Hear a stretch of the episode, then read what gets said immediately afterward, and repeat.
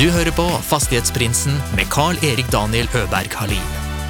I denne podden får du følge med på eiendomsinvestorer fra Sverige og Norge når de deler sine erfaringer og tips med oss lytterne. Gjestene er alt fra småbarnsforeldre med sin første enhet, til de mer etablerte haiene. God fornøyelse. Så hvis man skal klare det, så må man gutse. Man må starte, og så er det liksom det aktivitet, da. Det ordet aktivitet avler aktivitet. Altså, Ja. aktivitet kan være at du bare istedenfor å sette deg i sofaen, setter deg og se på Finn. Veckans gäst är både mäklare och advokat som sadlar om till investerare och flippade tio lägenheter i mammaledigheten till sitt andra barn. Det blev startskottet på hennes eiendomskarriere. Det är nu full fart med utveckling, hantering av kollektiver, flippar och mycket, mycket mer. Välkommen in, Anna För! Tusen takk for det. Takk så mye for at jeg fikk komme hit i ditt fina kontor på The Brick. Veldig hyggelig at du er her. Gleder meg til det her. Ja, det var riktig fine lokaler må jeg si. Jeg visste ikke at det var et sånt litet co-working place her. Utrolig fint å sitte her. Det er jo ganske nye lokaler. Jeg tror det ble bygget i, ja, for et par-tre år siden. Mm. Og vi sitter her både eiendomsutviklere og litt reklamefolk og ja, mye forskjellige bransjer, da. Men eh, hyggelig å bare kunne snakke med noen ved kaffemaskinen Ja. og ha noen å spare med Ja. innimellom. Ikke bare sitte hjemme alene. Nei, men det er litt, uh, hur, hur kommer det seg at det er litt så här eh, egendomsutvecklad miljö? Jeg vet ikke, jeg tror det er litt sånn tilfeldig. Og så har man, eh, når man er innom og ser, da, så er det en fordel at det er noen i samme bransje her. Ja, ja. Så jeg syns i hvert fall det er en fordel å bare Altså, jeg jobber jo alene, så bare kunne ha, ha noen å spare med. Og så er beliggenheten veldig fin og sentral, så sikkert det er også attraktivt for de som driver med eiendom, da, Ja, og sitter her. ja, nei, men Eh, Vi er jo midt på Frogner. Mm. Rett over Michaels for en god lunsj også. Ja, ikke sant? Eh, inte dumt det. Hvor lenge har du sittet her? Her har jeg sittet i eh, Det er vel ca. et år. Eh, Før det så satt jeg med en, også noen eiendomsfolk i Bygdøy Mm. Tre menn. Eh, også veldig hyggelige, flinke folk. Der var det litt Vi var litt færre, så det var litt roligere. Så da, etter det så flyttet jeg rett hit, da. Ja. Eh, så, men jeg sitter bare halv plass. Eh, resten av uken så sitter jeg stort sett hjemme. Mm. Og det fungerer bra. Ja, men det er vel hva kan tenker tänka mig, ute en del også. Altså, du sitter väl inte bara vid kontoret For du, du, du kjøper jo og flipper typ 10-15 eh, enheter eller leiligheter eller objekt kanskje man ska säga eh, Ja. om året. Eh, Cirka ti. Mm. ja. Eh, så det kreves vel eh, litt oppfølging? Eh, Det krever eh, prosjektbefaringer, absolutt. Jeg følger opp både de altså såkalt Frippe-prosjektene. Er innom og møter håndverkere og ser hvordan det går, og ja, har overtakelser og befaringer og visninger, så jeg er mye ute og løper. Eh, Men og også det jeg leier ut eh, langsiktig, det krever jo også oppfølging. mm. Altså nye leietagere. Innbrudd på loft, som jeg hadde forrige uke. Noe prakt, både praktisk og ja, bare relasjonen til leietakeren krever jo også at jeg er en del ute. Mm. Mm. Jeg vil bare summere ihop litt som jeg, om jeg har forstått helt riktig hva det er eh, du holder på med og hva det er du har gjort. Ja. Altså, du flipper typ 10-15 leiligheter eh, eh, om året. Du, du har bygd en portfølje og och en utvecklingsportfölj. Eh, der du har to eller tre eh, bygårder. Ja, to bygårder Ja. enn så lenge. Og så er du jurist, Ja, advokat. advokat. Ja. Og har jobbet med, som mäklare på Sem Johnsen och eh, vært med på eh, jobbet med juridiske tjenester på Huseiernes Landsforbund. Stemmer. Det var, sånn, det var en sånn deltidsjobb ved siden av jussen. Men det stemmer. Ja. Men eh, du verkar jo være en ganske vass medspillere, eller motpart i en budrunde budrunda eller i en annen type av situation. Ja, jeg tror ikke jeg er nok ganske lite risikoavers. Det er spennende å være i budrunder. Man Ja. kan også bli litt eh, trigget av selve den konkurranseposisjonen, nesten. Så det er sånn jeg må ta meg litt i nakken på, da. Og Ja. prøve å stoppe. Ikke bare vinne for å vinne? Ikke vinne, for det er ofte så hvis du føler at du Eller det er ikke alltid der å vinne, for å si det Nei. sånn. Det Nei. kan være tvert imot. Jeg var i budrunde ja, akkurat nå, før, Ja. vi, før vi begynte. Og jeg var i budrunde i går også. Da var vi vel fem flippere, hvorav Mm. to holdt ut litt for lenge, tror jeg. Jeg ga meg. Ja. Så de, de økte 10 000 på den siste økningen, og da fikk de den. Og jeg, jeg føler egentlig at jeg vant når jeg ja. meg. Hur vet du at det var fem andre flippere? Jeg spurte megler. Ja. Så jeg fikk ikke navnene eh, eller firmaene, men jeg, jeg spurte megler. Og jeg, jeg spurte også det, det spørsmålet jeg pleier å stille hvis det er mange flippere med. Er disse helt nye? Mm. Eller, eh, og litt sånn for ivrige, eller er det erfarne folk. Ja. For da har de sannsynligvis vurdert ut prisen riktig, da. Ja. Så Vart kategoriserar du deg selv på den skalaen? då? ehm, Erfaren. Mm. Men kanskje litt kjip å være i budrunden mot, fordi jeg kan ta litt Jeg tar en del risiko. Ja. Så det kan jo hende at jeg pusher, pusher prisen litt langt noen ganger. Ja. Både for meg selv og andre. Men ehm, det pleier å gå bra. ja. Men hvor lenge uh, har du holdt på uh, med flipping? For man får ikke holde på når man er mäklare. Nei, det stemmer. Jeg har holdt på i tre, og drøyt tre og et halvt år. Mm. Første flip, altså Man kan vel gjøre litt som megler, men det er, man må være veldig forsiktig. Ja. Og holde seg på, på rett side av lov og forskrift der. Så jeg, eh, jeg, jeg flippet noen kontraktsposisjoner. Det var det første jeg gjorde som, som en slags sånn businessgreie. da For en del år siden. Og så, eh, for å ta det litt sånn kort oppsummert, så gjorde jeg den første flippen i 2017. Og da fikk jeg meg en liten sånn eh, hva skal jeg si, oppvekker. Fordi da, da var jeg i Jeg var vel i perm da med første, første barnet mitt. Ja. Jeg har to, og, eh, og hadde bestemt meg for at dette skal jeg gjøre. Gjort masse research, mm. og kjøpte, pusset opp kjapt, holdt budsjett og sånn. Skulle selge, og den uken så snudde egentlig markedet, da. Okay. Det var ikke en sånn voldsom krasj i 2017, men det var en korreksjon, og det kom ganske skumle overskrifter i avisene. Um, der eh, Jeg fikk solgt, det tok ikke kjempelang tid, men istedenfor å tjene det jeg hadde budsjettert med, så tjente jeg vel eh, 3000 kroner. Ja. Ja. Så break even. Mm. Um, da ventet jeg litt Ja. Mm. med å fortsette. Mm. Så da fortsatte jeg Da var jeg megler i Sem Johnsen. eh, Og var det i eh, drøyt år til, eller halvannet år til, eh, til 2018.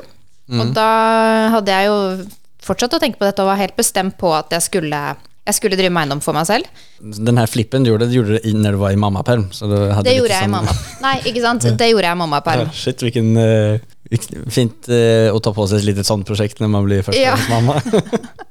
Ja da, det gikk greit. det, Altså. Jeg, hadde, mm, jeg hadde funnet de håndverkerne fremdeles bruker allerede da, så det var veldig, det er ganske smooth prosess, men selvfølgelig jeg har eh, fremdeles ikke den dag i dag byttet lyspære selv, så Nei. jeg jo pustet opp en leilighet. Det var litt sånn, ja. Ja. Jeg brukte mye tid på å ta valg, og ja. mye mer enn jeg gjør nå. Mm. Da ventet jeg litt, for jeg så at dette kunne Det var ikke lettjente penger, på en måte. Mm. Så da var jeg megler i halvannet år til cirka. Og så var jeg høygravid med neste barn. og da mm, hadde jeg bestemt meg for å quit my day job Mm. som megler. Gjorde det. Kjøpte første flipp. Eller første flipp i det som jeg nå Nå lever jeg av det, jeg har gjort det siden. Og den uh, puster jeg opp den sommeren. Um, sommeren 2018. Uh, fødte på en time. Ut igjen av sykehuset. Gick och tog litt eh, marmorvalg på kjøkkenet? Ja, ja, ja. Det var, jeg husker faktisk eh, den, um, den taxituren til sykehuset. Um, jeg hadde hatt kynner en stund, eh, ikke så veldig relevant for eiendom, men det var fordi jeg hadde, var litt stresset og drev, med- jobbet litt mye. Eh, satt i, bak i drosjen og bare sendte sånne stressede meldinger da, til min byggeleder. Bare Pick up uh, wardrobes at Ikea. Please ask me if you do anything. Ja, og han bare chill out, talk you, talk to you later. Og det, mm, så ja, var jeg tilbake kjapt. Det neste året, da droppet jeg um, droppet mammaperm. Um, eller jeg jobbet da, med, med August, som han heter, Ja. eh, og flippet ca. ti leiligheter det de neste tolv månedene. What? Så da var jeg i gang. Ti? du klarer du det? Ja, jeg hadde godt tempo. eh, wow! ha- hadde veldig jeg hadde liksom Hva skal jeg si det gikk, Hadde litt flaks med overtagelser. Sånn, det er jo ofte Ja. litt tilfeldig. ikke sant? Jeg ville alltid overta kjapt, selvfølgelig. Ja, Så kjapt ja. Mm. som mulig, helst to uker. Men eh, var litt heldig med overtagelser på, fra kjøpers side igjen, da. Og fortsatte sånn. Og sånn har jeg egentlig fortsatt siden. Mm. Men hvor mange har du gående samtidig, Eller hadde du gående samtidig da? Ja, ikke helt på begynnelsen, så hadde jeg bare én om gangen, mener jeg. Eh, nå har jeg prøver å ha altså to-tre, da. Mm. Akkurat nå har jeg bare én. Er i konstant budrunde. Markedet er vanskelig akkurat nå, men det er eh, Jeg prøver å ha to-tre. Mm. Och det er samme byggföretag som jobber, eh, som du jobber med? De gjør alt, ja. Ja. Jeg har en sånn eh, plan B på et eh, firma som også kan pusse opp for meg, hvis jeg trenger. Mm. Men jeg bruker, bruker alltid samme team. Det teamet, er det, jobber de bare for deg, eller jobber de... eh, Nei, de jobber ikke bare for meg, men, mm. og jeg har ikke ansatt dem, men de jobber veldig mye for meg. Jeg tipper det er sånn 60-70% på mine prosjekter. Jeg er litt avhengig av hva jeg har til dem. Mm, Men det här att flippa, alltså fl- flippa 10-15 lägenheter eh, om året, det är det ena benet och så har du din eh, utlejeportfölj som är minimalt eh, ganska stor. Eh, det är två bygårdar. Vad, vad Ja. består de av? Det er, de er ca. totalt eh, 3500 kvadrat. Um, Den ene er, eh, det er på Uranienborg. Her, rett her i nærheten, egentlig. Um, og det er mest bolig, og så er det et næringslokale i første etasje. Mm. Og så er det den andre gården, det er i Keisers gate, rett bak eh, regjeringskvartalet. Det er mest næring. Ja, så det er veldig sentralt i Oslo, på Oslo vest og i sentrale Oslo. Ja, stemmer. Det er jo fine lokasjoner. Hvor lenge har du sittet på dem? Eh, Den første kjøpte jeg i eh, sommer 2020. Tok over for ja, snart halvannet år siden. Oktober 2020. Mm. Og den forrige den tok jeg over på nyttårsaften, for så vidt. I, um, jeg kjøpte den veldig, I år, eller? Ja, eh, altså i fjor. Mm. I, så jeg, to, jeg kjøpte den i Det var vel november 2021, og tok over i ja, overskiftet januar, Ja, så du har sittet altså med den i fire måneder. Ja. Hva, hva, er dine planer med dem? Em, planene med dem er utvikling. Mm. Uh, Jeg kommer mer tilbake til den Uranboveien senere, eh, men eh, det er absolutt uh, å sitte på så lenge som mulig, kort oppsummert. Hvis, altså, man vet jo aldri hvis det kommer et tilbud man ikke kan si nei til, så er det meste til, til salgs i eiendomsverden, men, Ja. men det er fortsatt utleie og utvikle de til Altså den, den Uranboveien, der har jeg rammesøknad inne nå. På ombygging til små leiligheter. Og, og Keisers gate, der er det veldig veldig gode leietagere. Så eh, altså store næringsleietagere, kan jeg beholde de, så gjør jeg veldig gjerne det. Eh, hvis ikke, så eh, blir sannsynligvis det ombygging til så små leiligheter som jeg kan få til. Ja, ok. Men Og du hyr ut om allting? Begge er fullt leid ut, ja. Ja. Är det någon möjlighet till att konvertera dem till eh, alltså lägenheter och sälja enheterna så? Eller det, Det ingen... kan man absolutt. Eh, kan jo seksjonere og selge ut. Eh, det er ikke noe jeg Det er mange, eller det er ikke så mange, men det er en del som gjør det, og på en måte flipper bygårder, kan man si, da. Ja. Men, men det er ikke noe jeg ønsker. Jeg tenker at de har en merverdi i å være en bygård. Mm. For det er jo på en måte færre og færre bygårder, i hvert fall av de gamle, som, som er i, i markedet fordi at det er en del som deler det opp og selger ut. da, Seksjonerer og selger ut. I, I Norge så är det ju, skiljer det sig väldigt mycket åt det här med att hyra lägenheter, leiligheter eller alltså ett ställe att bo.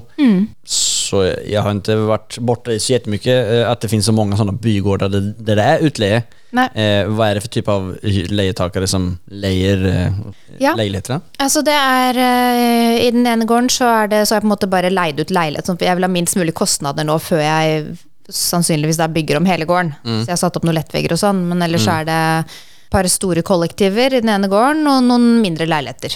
Både en hybel og noen sånn to-treromsleiligheter. I den uh, siste gården så er det um, hybler, altså store leiligheter hvor det er enkelt. Jeg leier ut rom for rom, da. Et guttekollektiv og et jentekollektiv. Uh, og så er det Hur Hvor mye styrer du av det kollektivet? Altså, har du noen som är ansvarig i kollektivene som fikser det? Eller? Nei, det har jeg ikke. De er såpass små. Det er, det er totalt åtte da, som bor der i, i fjerde etasjen i den gården, og det fungerer helt fint. Superhyggelige leietakere som egentlig leier ut selv, og når det har blitt tomme rom nå, så er jeg akkurat mm. ber de ha visninger, så, for de vil ha noen de fungerer godt sammen med. Så det, jeg, jeg styrer det, men, eh, men det er veldig uproblematisk. Bank i bordet. Ja. So far so good. Så hvilken gjelder kapasitet du måtte ha, alltså flippa så många lä eh, lägenheter i året och driva med två väldigt stora alltså, utvecklingsprojekter och de andra grejerna som du är delägare i, som Ja. vi inte har pratat om än. Ja da, jeg kan, eh, nå jobber jeg altså, Min hverdag er jo ekstremt Den er opp og ned. Eh, I perioder har jeg hatt ekstremt mye å gjøre, og jeg også tok advokatlisensen på en måte oppi, oppi dette. Eh, men eh, mens andre perioder, sånn som nå, så har jeg det egentlig rolig. For nå har jeg, altså jeg har disse, disse utviklingseiendommene har jeg alltid, og så har jeg veldig mye budrunder, men er i én, da. Som jeg skal ta over, og så har jeg hatt to overtakelser nå for en halvannen måned siden. eller sånt Så det går veldig opp og ned. Noen ganger kjemperolig, noen ganger så er det liksom vondt i magen og høy puls eh, hele tiden. Mm. Men hur ser en vanlig dag ut? Eller det fins vel ingen vanlig dag, men eh, Ja, Um, En vanlig dag med på en måte normal arbeid, sånn gjennomsnittlig arbeidsmengde, så står jeg opp eh, Eller våkner veldig tidlig. Mm, Egentlig er jeg veldig A-menneske, men også har en sønn som liker å stå opp sånn senest fem. Ja. Eh, så da er det ofte litt sånn såkalt mailtime da, med min, eh, min byggeleder, som også er veldig A-menneske. Og da, er det, da skriver vi frem og tilbake på Messenger om litt sånn ting han skal verdivurdere for meg, priser på det, oppfølging av det osv. Så, videre. så skriver litt om det, og så er det egentlig bare å fortsette litt på mail. For kidsa i barnehagen. eh, trener. Stort sett hver dag. Um, og så er det en, alt fra altså admin, eh, regnskap, at det jeg gjør av regnskap. Jeg har regnskapsfører og revisor, men gjør en del av det selv. Uh, følger opp ting som har med leietakere å gjøre. Finans, altså banker hvis det er noe av det. Verdivurderinger. Ja, alt som, som hører med, da. Mm. Har du noen ansatt? Eller har Nei, du jeg har ingen ansatt. ingen ansatt? Du gjør allting selv. Men det man kan kalle til som power powerteam runt omkring det. Alltså, du har din byggeledare som du verkar ha väldigt tett tätt samarbete med. Har du några fler Ja. av de här viktiga Sånn eh, kjernepersoner. Det har jeg absolutt, og det er det som jeg uh, syns gjør det så på en måte sømløst. da. Mm. Ehm, denne byggelederen, han, altså det er et fast håndverkerteam, og så er det en byggeleder som, uh, som fra dag én har tatt på ansvar for eh, hva skal jeg si, prosjektledelse. Mm. Og det var eh, Det sto i kontrakten, første kontrakt, fordi da var det jo fire uker til meg for termin, og jeg sa at jeg må ett telefonnummer å forholde meg til, og det er ditt. Mm. Jeg kan ikke drive og på en måte mikromanage alle diverse håndverkere, Mm. når og hvor og hvem. Så han styrer. Mm. Han styrer de andre håndverkerne, og så spør de meg hvis, jeg, hvis det er noe de lurer på. Hva har, han, hva har du gitt honom for mandat? Om det, altså, om det oppstår noen situasjoner som eh, kan få økonomiske konsekvenser som må fattes beslut på tidigt eller fort? Ja, Nei, han må alltid spørre meg. Ja. det må han. han må alltid spørre meg, men han er veldig kjapp på ballen, og vi svarer Ja. begge to på en melding eller mailtelefon Ja. på ca. ett minutt. Så ja. Kan vente ett minutt. han kan vente ett minutt, stort sett.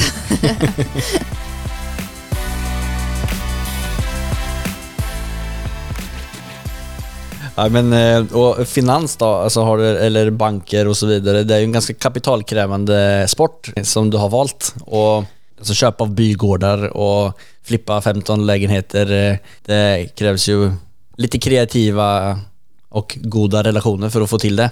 Ja, absolutt. Altså flipper opp til sånn ca. ti leiligheter, da. Og så er det jo utleie og sånn i tillegg. Og det krever Det er eh, make or break i eiendomsbransjen. Det er god, eh, god relasjon til finan finansinstitusjon. Eller helst in- finansinstitusjoner. Eh, jeg har altså vanlig bankkontakt, okay. eller to banker jeg bruker, som er helt vanlige store norske kjeder. Eh, veldig, veldig godt forhold til dem. Brukt i mange år, og det er noe av det viktigste jeg kan gjøre, er at, å fortsette å beholde deres tillit. Absolutt. eh, Kanskje det viktigste jeg kan gjøre. Så de låner jeg til, både altså til mm, utviklingseiendom langsiktig og til flipping. Det var ikke, altså Da jeg kjøpte den første bygården, så søkte jeg lån hos flere store banker.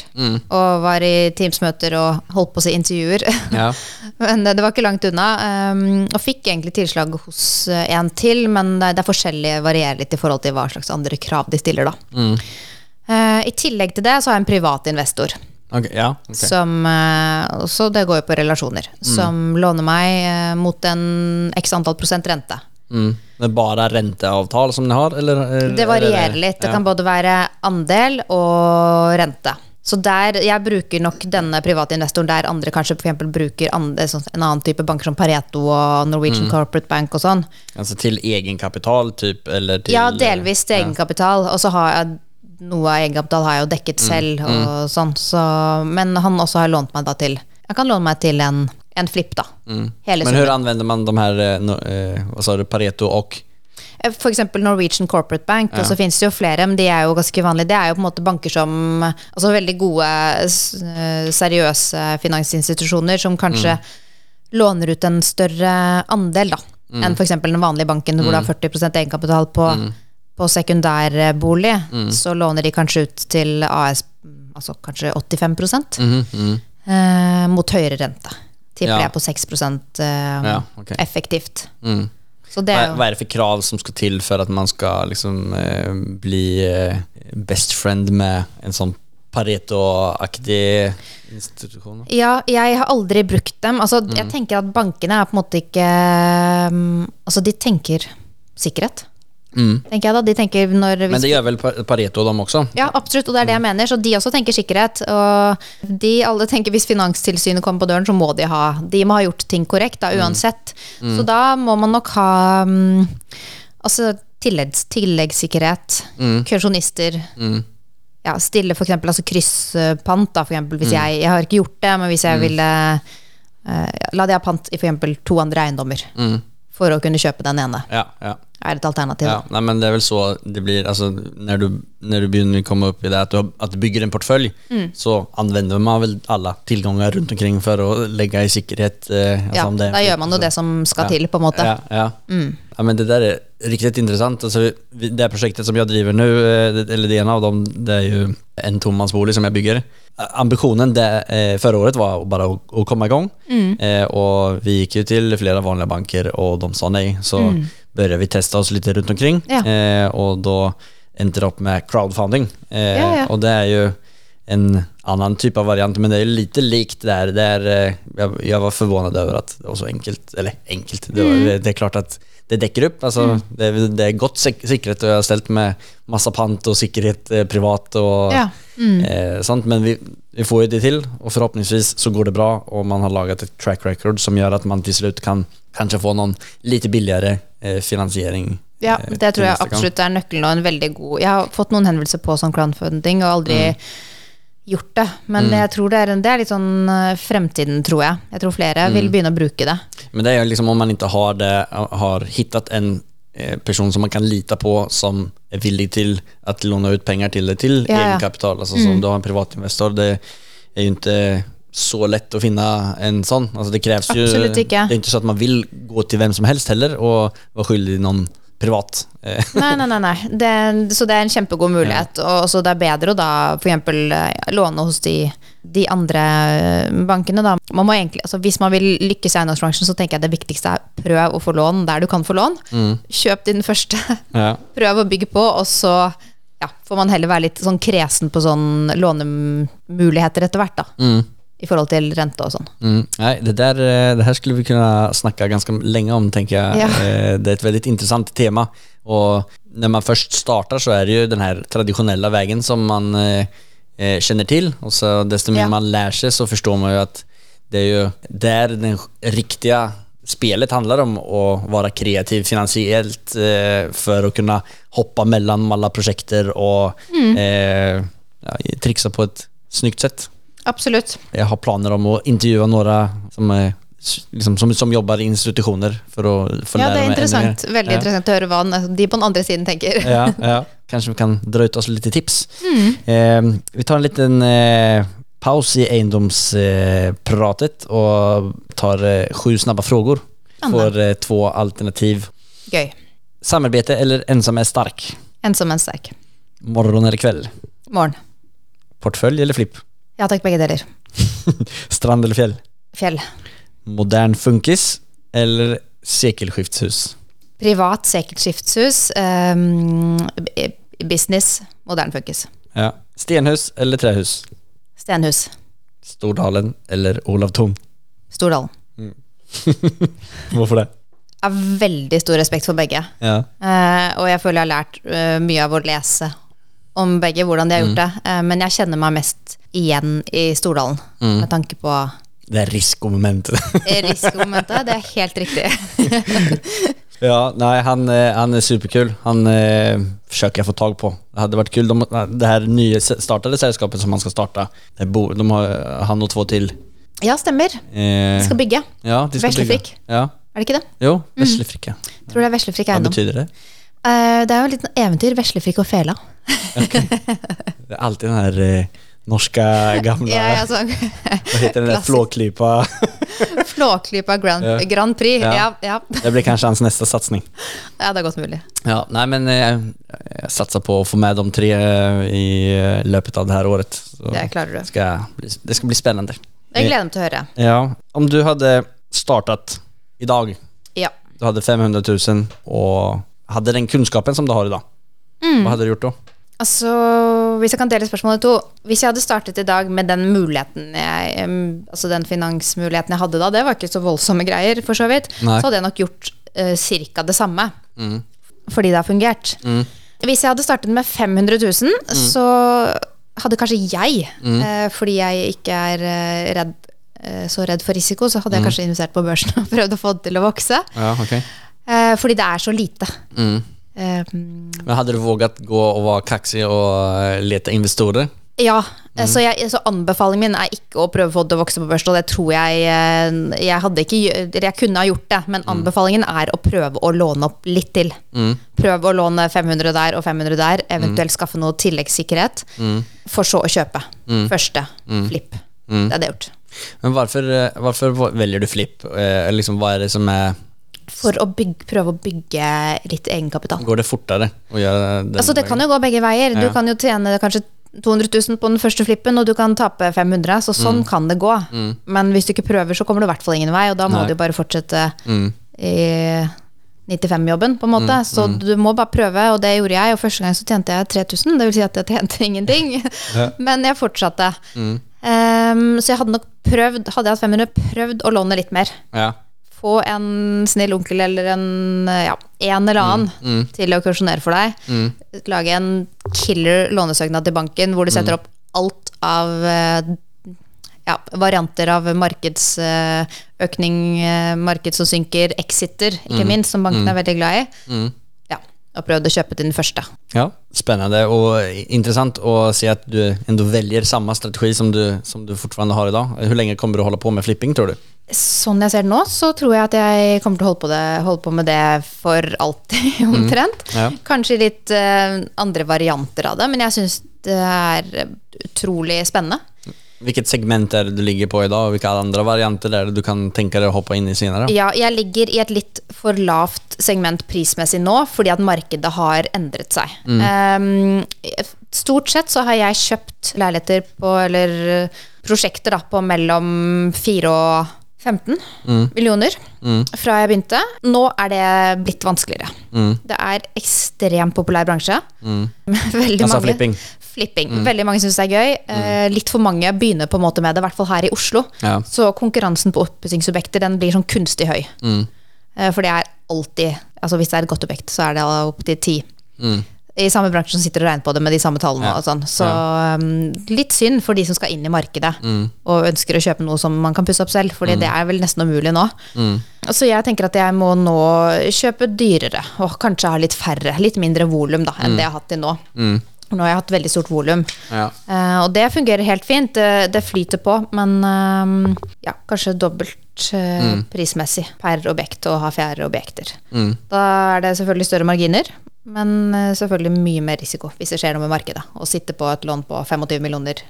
Har du noen sånn eh, altså, Hvordan ser din kalkyl ut? eller Er det noen forventet prosent på eh, profit eh, og eller eh, kostnadene? Altså, er det prosent eller noe tall, eller eh, Ja, um, jeg, jeg, jeg regner ikke prosenter. Um, jeg har jo alltid et regnestykke. Jeg har fått tilbud fra gutta, og har eh, selvfølgelig tall på alt fra salg til ehm, Altså, du snakker om dine håndverkere. Ja. eh, salg og oppussing. Altså alle de tallene, på en måte uttallene er veldig klare. Mm. Og så har jeg beregnet et uh, salgs eh, cirka tall. Og da, i den prisklassen jeg har vært i nå, så har jeg satt som på en måte grense, smertegrense på en margin, beregnet margin på 300 000. Og det er nok ganske lavt, og Mm. jeg tror det er en av grunnene til at, uh, at jeg har fått en del tilslag i budrunder, fordi jeg har Ja. hatt lavere marginer. Ja, du har forventet lavere margin? Forventet lavere ja. margin, på en måte. Altså, jeg har turt å kjøpe ting selv om jeg trodde at jeg skulle tjene litt og mindre enn det òg har jeg kjøpt på. Det spørs helt på prisnivået på det jeg kjøper. Mange syns kanskje at ikke det er verdt jobben, da, eller at eh, Altså, det er så fort gjort, da. Øker, eh, eller Hvis markedet synker 3% så er de pengene tapt, ikke sant, på et blunk. Men å ta på en måte den risken som en lav margin eh, gir, da, det, gjør, det har nok gitt meg muligheter. Mm. Du har jo utbildet deg ganske nylig til eh, advokat. Ja, altså det er, det er lenge siden jeg ble jurist, men jeg tok eh, lisensen. Okay. Mm, Ja. som man tar da med og, rettssaker og sånn. Eh, så jeg er advokat, eh, men jeg, jeg jobber ikke som det. Og, og kommer ikke til å jobbe som det. Nei. Men det er veldig veldig fint. Altså, da, jeg, da jeg gikk jussen, så ønsket jeg å bli advokat og jobbe som det. Og gå i min, min fars fotspor, mm. som er advokat og eiendomsutvikler også. Okay. Ja. Men jeg, jeg såkalt spesialiserte meg i eiendom på jussen. Altså jeg tok en del valgfag Ja. innenfor eiendom. Begynte å jobbe som megler, gjorde det noen år, og ehm, ja, Har det, har fortsatte det, den veien. jeg antar at det har noen eh, veldig positive saker eh, med seg det? At du Absolutt. Det er veldig verdifullt for meg nå, fordi at jeg er i en bransje med mye 60 år gamle menn med stor pondus. Ja, ok. Og det er ikke så mange som driver alene, i hvert fall, som relativt ung Mm. dame i denne bransjen. Eh, og jeg har selvtillit, Mm. uh, definitivt, men jeg trenger også altså det, er, det hjelper å være advokat. Og Ja. det hjelper å ha den utdannelsen og kunne jussen. Har du møtt, uh, eftersom du tog, formulerade det på det settet, har du my møtt mye fordomsfullhet på at du jobber alene og er dam i denne bransjen? Ja, um, ikke mye, og det har absolutt ikke plaget meg. Men det kan være litt morsomt noen ganger. For hvis jeg ringer, la oss si at det har vært en større eiendom da, som jeg er interessert i. Eh, eller det kan være at jeg ringer ja, finansinstitusjoner, eller hva det måtte være. Så er det ofte sånn ja, ja, jobber du for for eiendom? Ja, ja, jobber du for Er du ansatt der, eller eh, Ja, okay. sitter du i resepsjonen? Nesten. ikke at det er noen resepsjon i For eiendom, det er absolutt Nei. ikke. Men eh, også når jeg, skulle, jeg husker jeg skulle hente nye nøkler til den første gården, og var hos eh, disse, altså nøkkelprodusenten. Og da spurte de om jeg hadde en slags fullmakt eller sånn med meg, så jeg bare nei, men det, jeg er Anna, for jeg eier det. Ja, ja. Eh, og da måtte jeg vise um, ID, fordi de, ja, det er litt, kanskje litt uvanlig. Så, så egentlig bare på den måten, men um, ja, det hjelper. Og det hjelper å være advokat. Og Oslo er eh, lite, så man bare i tillegg fører seg veldig bra. Fordi det er mye altså, De fleste vet hvem andre eiendomsutviklere er. eh, Ja. Både flippere og de som har utleieeiendom. Så man må oppføre seg bra. Har du vært borte i noen situasjon eh, der eh, du har møtt folk som ikke er så trivelige? Altså, jeg har jo ikke vært inne i eiendomsbransjen så lenge, men jeg har jo lykkes komme bort i noen personer som ikke er så ryddige eh, redan. Eh, har du hatt oturen å møte noe sånt? Um, egentlig ikke. Ikke Nei. noe sånn, altså Alltid litt sånn småting her og der, eh, definitivt. Men um, ikke noe som har påvirket meg eller uh, fått følger, da. Mm. For så vidt et par småting. Jeg tenker, Det hadde jeg glemt. Det er greit å bare glemme sånne ting ganske kjapt. Ja. Jeg har hatt noen ja, ting men, um, i forhold til avtaler og sånn, men Ja. da hjelper det å være advokat. Og Ja, prøve å ha gode avtaler. Ja. Men, eh, men selv ikke som advokat, så er det på en måte alt Altså, jeg kan være litt kjapp. Mm. Jeg er målstyrt og kan, det kan gå litt fort i svingene, og det, det kan man brenne seg på. Men, eh, men jeg har lært av de, Mm. de tingene som jeg også Du har ikke vært borte i noen som rett og slett har prøvd å lure deg?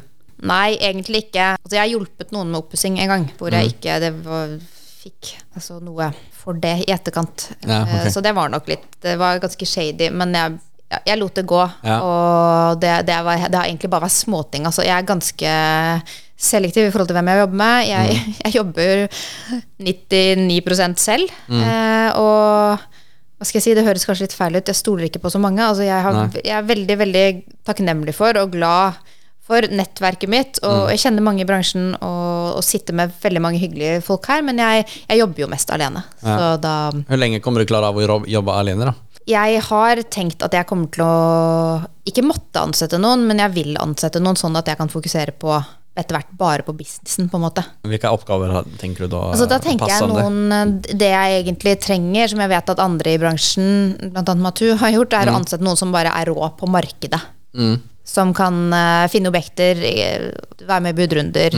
Da mener jeg i forhold til flippingen, for det drift av eiendom og utviklingen av det syns jeg er utrolig spennende, det Altså oppfølgingen etter Ja. man har gjort et forverv av en uh, leilighet, f.eks., Ja, så, det, så, så leverer den personen över stafettpinnen til dig. Eller? Ja, altså det, Hvis jeg hadde fått en sånn person, så kunne den personen absolutt uh, fulgt opp prosessen når det gjelder disse flippene. Ja, okay. Det hadde vært uh, veldig veldig uh, verdifullt. Men når det gjelder utviklingseiendom, sånn langsiktig utleieeiendom, Ja. så ønsker jeg å styre det selv. Men, um, men med disse kortvarige prosjektene, så absolutt fine prosjekter å følge opp, det, det er noe jeg egentlig ser for meg kanskje å ansette i år. Mm. Vad er det for type av eh, person som du søker òg?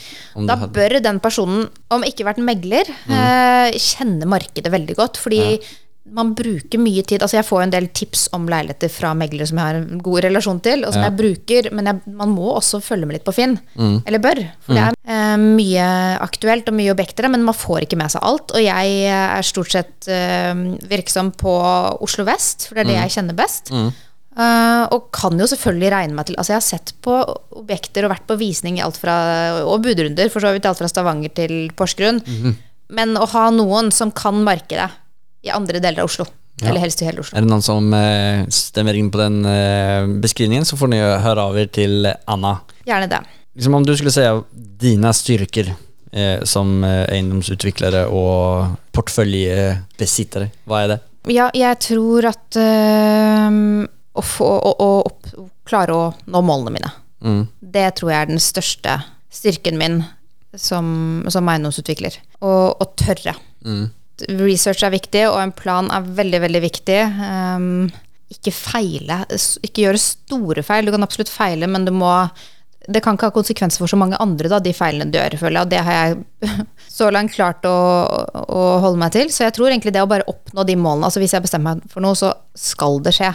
Er du ekstremt systematisk, eller liksom er du bare at du har eh, det er veldig tydelig i ditt huvud om hvordan du skal gå gjennom eh, din eh, For å nå det målet? Jeg lager en plan, og så følger jeg den. Mm. Har du noen spesielle rutiner på det? Altså Har du et eh, vekkomøte med deg selv der du sjekker av masse greier, og, eller Nei, det har jeg ikke, det, men det burde jeg ha, og har hatt planer om det. Men jeg har eh, Altså, jeg har mål, tallmål, da, kan man si, for denne flippingen. Eh, har jeg hatt ettårs, treårs og femårsmål. Og det de, altså, resultatene av flipping det går veldig opp og ned. Du kan ha helt fantastiske år, du kan ha dårligere år, men, men i hvert fall målet er vekst, og det går stort sett bra. Og når det gjelder eh, da jeg hadde kommet i gang med det, og det gikk på en måte ganske sømløst, så bestemte jeg meg for å bygge portefølje i tillegg. Ja. Og da måtte jeg jo komme meg fra å først bestemme meg for å kjøpe min første bygård til å faktisk kjøpe den, og det er jo ganske mange steg på veien. ja. Og noe av det klarte jeg på en måte å planlegge meg frem til, mens eh, ja, andre ting kommer som man går veien fremover, da. Men det Kan, du, kan du ta noen ting, altså sånn som du Ja, altså når du Hvis du bestemmer deg for det, da, så må du jo for det første vite hvor. Og det var jeg jo det, Da så jeg mye, som jeg nevnte. Altså jeg så Jeg var på visning av en liten bygård i Stavanger, jeg så på Porsgrunn, jeg har vært bydd på utviklingseiendom i Drammen.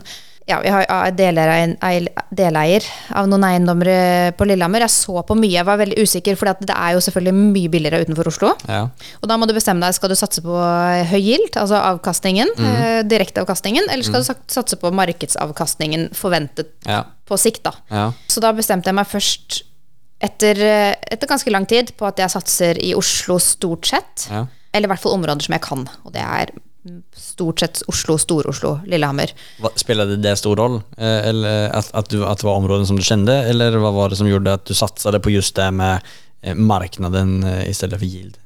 Jeg tenkte at optimalt så klarer jeg å kjøpe i Oslo, men jeg, jeg var usikker på om jeg klarte det. Så jeg, og Elverum har jeg bydd på en stor eiendom også, for så vidt, kom jeg på nå. Men när du sier at, du, skulle, at eh, du trodde at du skulle klare det, er det på økonomi? av ekonomi? Det krever Egentlig så mye? Ja. ja. Men, men det er ikke bare økonomi som gjør det vanskelig å kjøpe såpass store eiendommer i Oslo, for det er, eh, det er ganske mange om benet. Altså Noe er på Finn, noe er på markedet, og noe er off-market. Så da må du få de tipsene, da. Ja. Om disse eiendommene off-market. Og noe får jo altså Du kan melde deg på databaser og Ja. og sånn, men det er, eh, det er jo en prosess um, Altså Den første bygården, der var det bare jeg som bød. Den hadde ligget på markedet altfor lenge. Men den andre så var det jo en budrunde mot flere større aktører. Okay. Og da er det jo eh, Ofte er det jo firmaer som selger, eller stiftelser, og de har jo eh, all, rettighet, eller all rett til å si nei til ditt, ditt bud, da. Hvis de tenker at du er en liten, en liten aktør som de ikke kjenner så godt da, i forhold til Ja. de store bamsene. Så det er også både finans, men det å få tak i noe. Mm. Men når jeg hadde først bestemt meg, jeg trodde kanskje at det var innenfor rekkevidde, så var det bare å begynne å se Ja. etter store eiendommer. Og da var jeg helt systematisk, regnet på de jeg fikk tips om.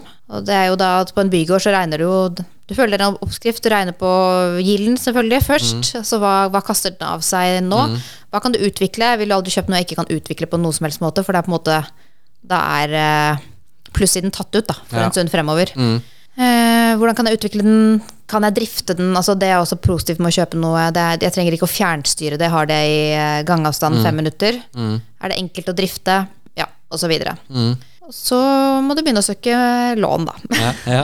og det også kan være en langvarig prosess hvor du må være seriøs, og det, da må du bare ikke gi opp. Du må bare fortsette ja. å være kreativ. Mm. Og så er det å begynne å by. Ja. Og det, jeg har, jeg, den første fikk jeg, den hadde jo den hadde ligget lenge. Mm. Eh, da, Og den er ute på Finn, eller? eh, den lå på Finn, Ja. hadde ligget lenge. Mm. Og så, eh, den andre, og så bød jeg på flere. Altså, da hadde jeg først fått den, det var i 2020, og Mm. hadde egentlig bestemt meg for å kjøpe tre gårder på tre år. Ganske eh, Bra mål. Litt ambisiøst. Ja. Jeg, jeg klarte to på to år, da, men jeg, jeg får se når det neste blir. Mm. eh, Men da bød jeg på flere før jeg kjøpte gård nummer to nå i, i vinter, da. Mm. Og da var det bare altså det er, ja, Tapte budrunder, turte ikke å strekke meg lenger, banken var ikke med lenger, osv. Så, videre. så det er jo en prosess. Mm. Er, det på, både på flipping eh, eller på disse næringseiendommene som du har en eh, investor med? Jeg har også på flipping til en del av de eh, prosjektene. Altså i, på disse utviklingseiendommene så bruker jeg stort sett vanlig bank eh, og egenkapital, men jeg, eh, flippingen bruker jeg både eh, altså jeg låner litt av min far, og så får han en del av profitten. Og så er det to forskjellige banker og mm. private investorer. Mm.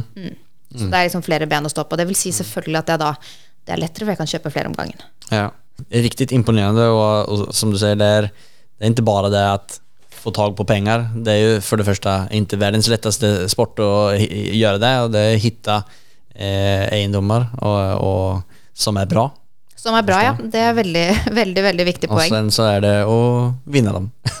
Det er akkurat det. Og også klare å gi seg mens leken er god. ja. Jeg får veldig gode, gode sånn, blide tilbakemeldinger av banken noen ganger, og av pappa hvis jeg sender en melding om at eh, Nei, jeg ga meg. Ja. Jeg, jeg følte ikke det var Jeg hadde ikke magefølelse på at det her var en god butikk. Så så sånn, alle sitter og er nervøse når du er med i budrunden? Nei, da, jeg tror det går greit, men da er det sånn godt å høre. Du, Det er liksom klapp på skulderen, for det er kjempeviktig det, og det er fort gjort å tape penger. Veldig, veldig fort gjort. Ja. Jeg må si at jeg er riktig imponerad over alt allt du holder på med. Du virker som du har stålkontroll Og jeg hadde det lille som jag eh, har pratet med deg her nå, så hadde jeg lett investert i deg eh, av, for den tryggheten som du inngir. Ja, tusen, tusen takk. Eh, Det, det er veldig hyggelig å høre. Og det, det er på en måte Jeg tenker at en eiendomsutvikler er veldig lite Hvis man ikke har arvet veldig, veldig mye, mm. så er man, eh, man er lite uten, eh, uten banken sin. Ja. Eller uten finanskilde. Mm. Veldig stor klapp på skuldran eh, får du av meg også. Eh, bare for at att du legger det i budgivningar iblant. eh, men eh, vi skulle kunne sitte og prate, kjenner jeg, kjempelenge. Absolut. Eh, men tiden springer ifra oss og vi må hoppe videre til vårt neste segment som heter eh, Affärsanalysen. Ja. Det er det segment der vår gjest delar med seg om en gjennomført affære, og delar med seg om eh, for type det er og litt smått og godt rundt omkring det.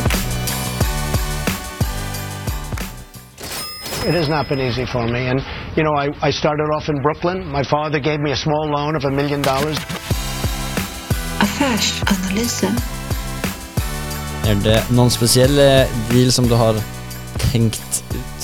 Ja, jeg tenkte at uh, det jeg syns er, mors, den som er morsom å snakke om, er kanskje den første bygården som jeg kjøpte Ja. um, i 2020. Uranienborgveien 3. Ja. Gammel, liten, søt eh, Eller liten, den har 14 1500 kvadrat. Ja, Liten bygård. Veldig liten og søt. Ja. ikke, ikke den største bygården, men den, den var stor nok. Uh, og super beliggenhet eh, rett bak Slottet. Det er jo da en, en utleieeiendom eh, med, som nevnt, eh, bolig oppover etasjene og næring i bunn. En fantastisk eh, institusjon av en bunadsbutikk. Haugtussa bak Slottet i første etasje, ja. som er verdens skjønneste leiedager. Og så har den to parkeringsplasser ved siden av. Og, um, ja, så det er jo da det jeg kaller en utviklingseiendom, også fordi det er det som er min um, plan med den. Eh, den ligger jo da som nevnt rett bak Slottet, dvs. Si altså 50 meter fra Slottsparken. Så det er jo Jeg tenker at det er Ganske bra beliggenhet. bra beliggenhet, Ja. veldig, veldig safe beliggenhet i forhold til utleie, da. Og knutepunkt, selvfølgelig. den- Ja. Nationaltheatret fem minutter unna. Mm. koster kostar en sånn eh, bygård i så sentralt leie i Oslo? Ja, den eh, Altså, den hadde ligget lenge på Finn da jeg, da jeg kjøpte den. Hadde vel kanskje ligget opp mot et år eh, hos eh, andre meglere først. Og så kjøpte jeg en veldig, veldig veldig flink megler som, kjøp, som selger mye, mye bygårder i Oslo. Anders Langtind. eh, som hadde priset den mye mer riktig. Og han, da lå den vel ute til var det 60 millioner. Og etter visning og mye mm, hal og dra da, frem og tilbake en, eh, med, med selger, og de var flere selgere som eide den, hadde arvet den eh, privat. Så ble vi vel enige på eh, 55,6 millioner. Mm. Hva kaster en sånn av i en sånn eiendom så det sentralt ligger, i Oslo? Ja, den ligger Altså, den, eller um, leien der nå, den er økt. Den var vel på 1 830 i året, og den har vel økt nå ca. 200 000. Med veldig, veldig enkle grep. Altså um, veldig enkle ombygginger. Sette inn litt lettvegger. Det er noen næringsleietagere som har flyttet ut, osv. Så, videre, så ca. 3% yield, om jeg ikke husker feil. Jo.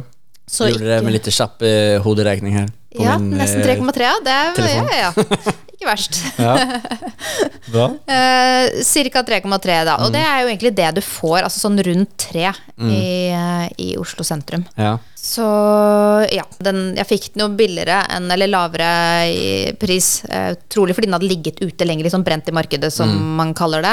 Eh, til litt for høy pris. Eh, og så er det også eh, er fremdeles bygg- og delforbud på Lille Uranienborg, som det heter, rundt der. Så det, er på en måte, det var jo en høyere risk å kjøpe den gården. Fordi at at det var bygg og bygg- og deleforbud. Okay. Eh, fordi at det skal omreguleres, da, det området der, i, forhold, i, i forbindelse med noe bygging. Mhm. Og Hva skal det omreguleres til? Um, altså, det er, det er usikkert ennå. Jeg har ikke satt meg så godt inn i det heller, for det er arkitekten som tar seg av det der. Men, eh, men da var det i hvert fall ganske garantert at jeg ikke fikk gjøre noe utvendig Nei. okay. uh, på gården. Og også litt usikker da, om jeg kunne bygge om sånn jeg ville. Eh, og det har vært en lang prosess. Nå har vi jo kommet dit at vi har fått go fra Byantikvaren, som er liksom eh, vel- veldig verdifullt Ja. etter en del Teams-møter og diverse. På at vi kan eh, bli positive til, da, som det heter, utbygging eh, eller ombygging av hele Eller av loft er det det de ser på, for da er man avhengig av å bygge ut vinduer og Ja, okay. arker og sånn. Ja. Men da fikk vi go på det. De er positive, da, så da er målet fire leiligheter på loftet der. Og nå har vi sendt inn ramsøknad rammesøknad til kommunen, da, så da blir det vel totalt 21 enheter, Ja. mener jeg. Ja. Hvis vi får gjennomslag. Altså det er pluss fire mot hva det er i dag, eller er det- nå, er det, nå er det jo næring, og hva blir det nå, da? Ja, 14 leiligheter, og så var det noe mer. Ja, nei, det er ikke så mange, for det er Nå er det vel syv-åtte. Syv leiligheter er det vel nå. Mm. For det er to av de er store kollektiver. Mm, okay. Så det er litt nå, jeg, har, jeg har ikke bygget om det, jeg har bare tatt over Ja. sånn det er, da. Ja. Og så er det, det er hybler, for så vidt, men det regner jeg som én en enhet. I hele annen etasje så, så er det hybler. Men ehm, ja, så det bygges opp til veldig mye flere enheter. Ja, ok, så du får veldig mange flere enheter. Veldig mange flere enheter. Ja. Men det er jo en kjempe Altså det er en lang prosess. Man Ja. følger leilighetsnormen i Oslo, som Ja. er eh, ganske, mm, ganske streng. Ja. Eh, Men, eh, men det har vi gjort, og nå er det egentlig bare Nå er det tolv uker, sannsynligvis, da, saksbehandlingstid. Og da håper jeg at, eh, at vi får gå på det, og da har vi jo tre år på å sette i gang ombygging. Mm, ok.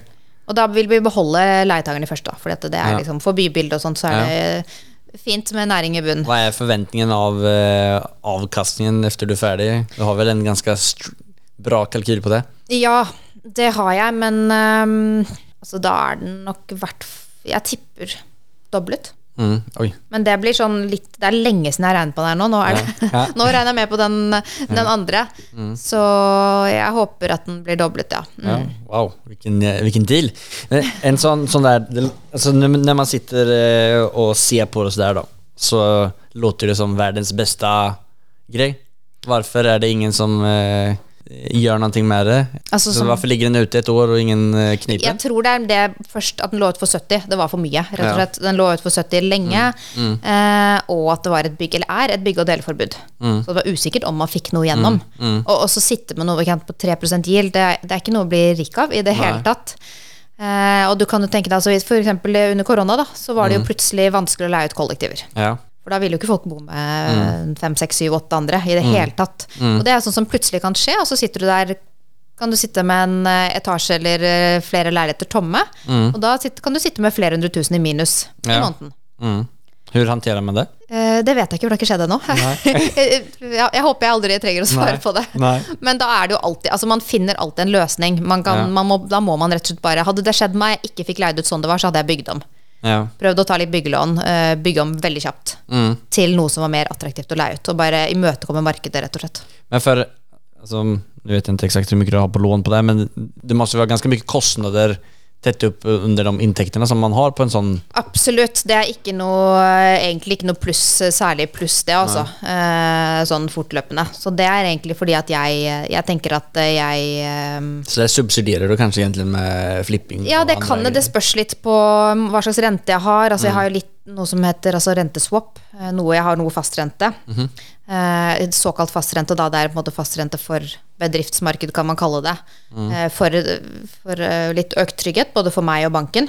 Det kan jo være sånn at banken vil ha mer aksjekapital inn, egenkapital inn. eh, jeg må bygge om noe ufor, uforutsett. Så da må man være klar for å, å spytte inn kapital. Da er det egentlig viktig å ha bra finansiella pa samarbetspartners i Ja. olika typer av alltså, investorer og andre typer av banker Absolutt. eller liknande. Og så vil man jo helst ikke bruke bank til sånn småting heller. Altså, da er det å prøve å ha cashflow da, på en annen måte. Det, det er jo ikke anbefalt å kjøpe den så uten å ha noe cashflow på siden. Nei, nei. Fordi det kan komme store kostnader veldig plutselig. Ja, ja hvis noe eh, rør eller noe tak hadde Ja, altså rør tak, eh, problem med utleie, Mm. det mm, ja, Eller bank kan ønske større sikkerhet pga. Ja. av makroforhold. Så Ja, mm, ok. Det kan man bare komme med Litt, helt det kan det egentlig bare komme med, ja. Altså, det där i- saker är inte någonting som eh, jeg tenker på eh, med den kunnskapen som jeg har fram til nå, når man, når man ser på at man skal bygge en portfølje. At det kan komme en sånn eh,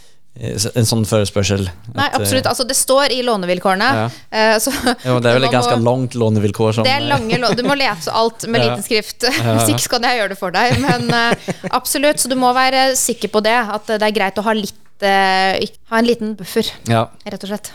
Bra tips og takk for at du deler mer om den. Lykke til masse med den der. Det blir spennende å se. Uh, måste jeg gå og kolla hvilket hus det er? Det er jo et uh, jättefint lege. Og... Ja, ja, du kan traske ned til. Slottsparken. Det er veldig fint. Ja. Då er vi videre på vårt neste segment som heter Fyra frågor. Og det er det segmentet der vi stiller de fyra samme spørsmålene til våran gjest. Ja.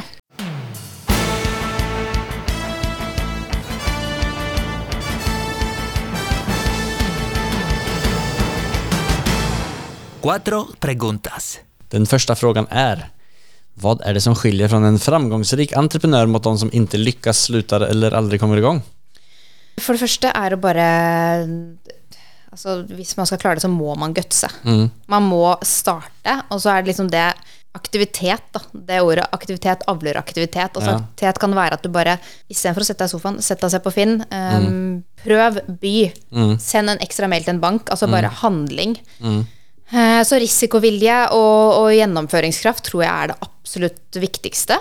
Og, Det der som du var inne på er jo noen ting som jag hör många säger och har själv alltså, ganska nyligen förstått den innebörden. Alltså det med aktivitet föder aktivitet. Alltså för du hamnar ju bort, i och med att du byr på någonting som du kanske, du vet inte om du får den eller du, det kanske inte är det mest ideala eh, å att by på eller någonting som gör eh, alla, alla de här bortförklaringarna som man har i starten när man inte Ja, ja. Eh, så ska, skaper du mm, mer kunnskap, som i sin tur gjør at du kanskje fatter beslut, rett beslut neste gang. Absolutt. Det er jo virkelig Altså, man lærer Det er en veldig, veldig Altså, du, du lærer mye av å gjøre, rett og slett. Det er jo det jeg har gjort. Eh, og det er en bratt læringskurve, selv når du er alene. Og du må på en måte bare begynne et sted. Og så må du bare tørre den første gangen, og den andre gangen, og den tredje gangen, og så er du i gang etter hvert. Eh, ellers så er det jo bare være, være hyggelig mot folk. Altså prøv å skaffe et nettverk. Det er, altså alt fra meglere, det er jo veldig Gode meglere er superverdifullt for meg. Du må ønske altså de må ønske å selge til deg. Da. Har de kjøpt av noen som har mye eiendom, oppfør deg bra, og så kanskje selger de til deg en gang til. Og, Okej, Men hva, hva, legger du i det? Altså, hva skulle noen inntil ville selge til deg? Altså, om du hadde om det, altså, Er det så att folk er så... altså Det spørs jo helt. Er det bare en tilfeldig leilighet på Ja. Finn, så er det jo Ja. det, da er det Ja, men ikke så viktig. greier, da, men- Hvis det er litt større greier, så Altså selvfølgelig være, ha alt på plass når det gjelder finansiering. Være superryddig, det er jo helt avgjørende. Ellers så får du ikke gjøre, deal av, gjøre noe deal med dem igjen. Nei. Ja, i en, eh, for eksempel en, eh, en overtakelse, da, kanskje ikke Eller etter en overtakelse, kanskje ikke klag på hver aller minste ting. Nej. Hvis du finner eh, små ting her og der som du kunne klage på Ja, altså det her gjelder jo større eiendom. Ja.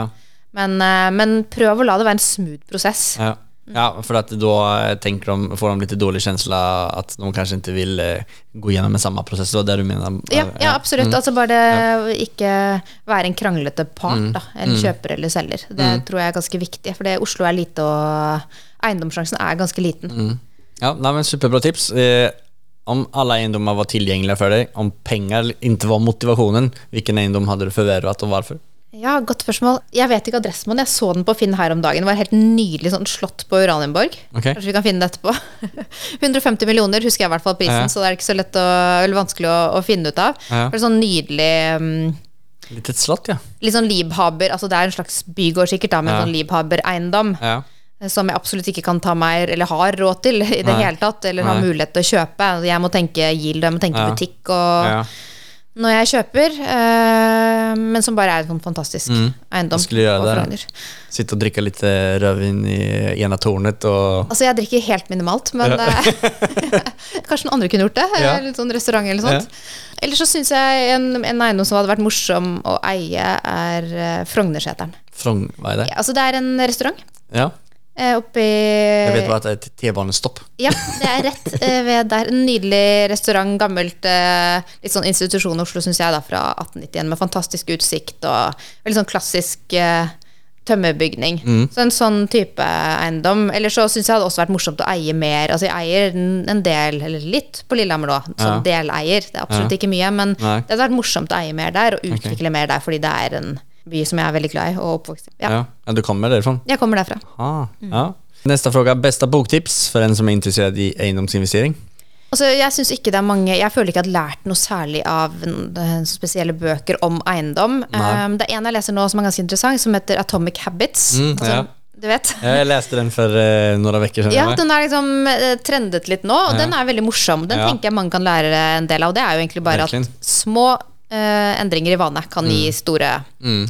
konsekvenser. Eh, ellers så tenker jeg at Finansavisen er viktig å lese. Det er ikke en bok, men det, Ja. du kan lære en del. Altså holde seg oppdatert. eh, Ha litt peiling på makro, hva rører seg i markedet generelt. Mm. Og så er det en del intervjuer om Så du kan lære av andre investorer. Ja, som din. Ja, nei, så det, det er min anbefaling der. Väldigt bra. Jeg kan rekommendere den boken også. Den, var, den er en av mine topp fem beste bøker. eh. Ja, veldig interessant, og noe som alle kan lære av, Ja. tenker jeg. Også veldig eh, viktig. Mm. Jeg kan relatere når man eh, driver med eiendom også. Ja. Siste frågan, den viktigste frågan. Nevn det mest storartede, minnesvärda, morsomme settet som du har firat en gjennomført affære eller seger på. Altså, nå kommer jeg med det verste svaret. Jeg feirer ikke. Nei. det er ingen som gjør det nesten. eh, som jeg ikke, Nei, gör. det ikke det? Nei. det er derfor Min, min, eh, min fru Paula hun er veldig glad og sprudlende sprudlande elsker å feire. Og syns at att eh, jeg også behøver feire litt, så det var sikkert derfor hun Ja. eh, var med og satte opp den frågan. Men det, jeg er egentlig enig. Altså, man burde bare stoppe opp og Altså, jeg har kost meg veldig med tanken. Eh, Jeg husker i hvert fall da jeg kjøpte den første gården. Du, da- du, du, Det er sånn jeg feirer. du feirer. litt kost i huvudet.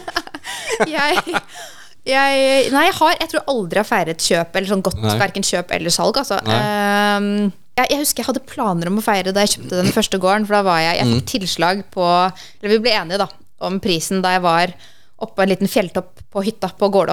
Så det var sånn veldig spesiell. Husker jeg fjelltur opp og ned der, så Mm. da, da tenkte jeg det her må jeg feire, men jeg har ikke gjort det ennå. Nej. Får bli til sommeren. Ja, ja, men det må du gjøre. Det er viktig å fire, alltså. Det, man måste, du er jo superduktig. Du måste njuta av det under tiden som, eh, som man gjør det. Det kommer liksom aldri, det kommer ju aldrig till någon sån här punkt at det er så stort så at nå måste jeg fira. For du, när man blir så här målfokuserad som, som det mm. Jeg hadde også satt opp at jeg skulle fira, jeg hadde bestemt hva jeg skulle gjøre med den her eh, eh, som vi, Ja. som vi holder på med. Liksom jeg hade, just av den, för att jag har fokus på det. Ja men när vi köpte tomten, ja, då skulle vi fira, det gjorde jag inte. Eh, och sen när vi fick eh, IG skulle jag fira, det gjorde jag inte. Eh, och när, vi, när de gö- började gräva och gjuta plattan och, eh, så snart kommer huset, då ska jag fira. Ja, men det Jeg skal, fire, jeg skal feire neste gang. eh, Ja. Neste gang det er noe å feire. Ja. ja, men det skal jeg holde deg accountable for. Vi bør nærme oss slutten, dessverre, må jeg säga. Det har varit väldigt trevligt. Men är det några speciella deals som du är på jakt på nu? Altså, jeg er alltid på jakt etter større utviklings-utleieeiendommer, typ i Oslo eller en time unna Oslo. Sånn i radius, da. Mm. Det er jeg alltid interessert i. Mm. Altså porteføljebygnings... Ja, egentlig, altså Det kan også være en eh, større næringseiendom som kan bygges om til bolig, eller bolig som kan bygges om til næring, eller noe sånt. Men litt, litt større utviklingseiendommer, det er jeg alltid veldig interessert i tips om. Eller, ja. Eh, er det noen spesiell person eller er noe selskap som du også er interessert av å komme i kontakt med? Det kan være denne fremtidige ansatte, da. Ja. Eller Ja. de, etter, etter hvert. Ja. Så noen som kjenner markedet, er helt mm. rå på har sånn fingerspitzgefühl på markedet og er eh, kan få både få og eh, altså både motta og sende mail både klokken fem om morgenen og elleve om kvelden og ikke bli fornærmet av det, da kan du ringe meg. Ja, men eh, Og Hvordan kommer man i huvudsak Eller hvordan kommer man enklest kontakt med deg da? Um, altså jeg har en Insta for eiendom. Mm. Uh, eller så er det en hjemmeside for .no, altså Mm. forr.no, og der står kontaktinfo. Da lenker vi til det i beskrivningen ja, i podden her Så jeg at det er mange som tar kontakt med deg Ja, Både om eh, å bli ansatt og eh, å kaste masse eiendommer på deg Absolutt. Jeg gleder meg. Ja. ja men eh, så kul. Det här var riktigt bra. Jag känner att jag har lärt mig massor och det har egentligen inte varit igenom... Eh, vi skulle kunna sitta och prata ganska länge känner jag. Helt enig. Ja, eh, så vi får se. Kanske det blir en uppföljare lite längre fram. Ja, hyggelig. Ja. Hjertelig takk for meg. Veldig, veldig hyggelig å snakke med deg. Ha det så bra så hörs vi. Ha det bra. Anna är så imponerande och kompetent på så många olika plan. Det kombinerat med hennes driv gör henne till en riktig stjärna i den här sporten. Jag har lyssnat på det här avsnittet flera gånger nu innan det har släppts på grund av att det är så många facetter av bra innehåll. Så det rekommenderar jag att ni också gör. Jag har blivit lite starstruck av Anna och kommer följa med spänt på henne framöver. Tack för det! Ha det!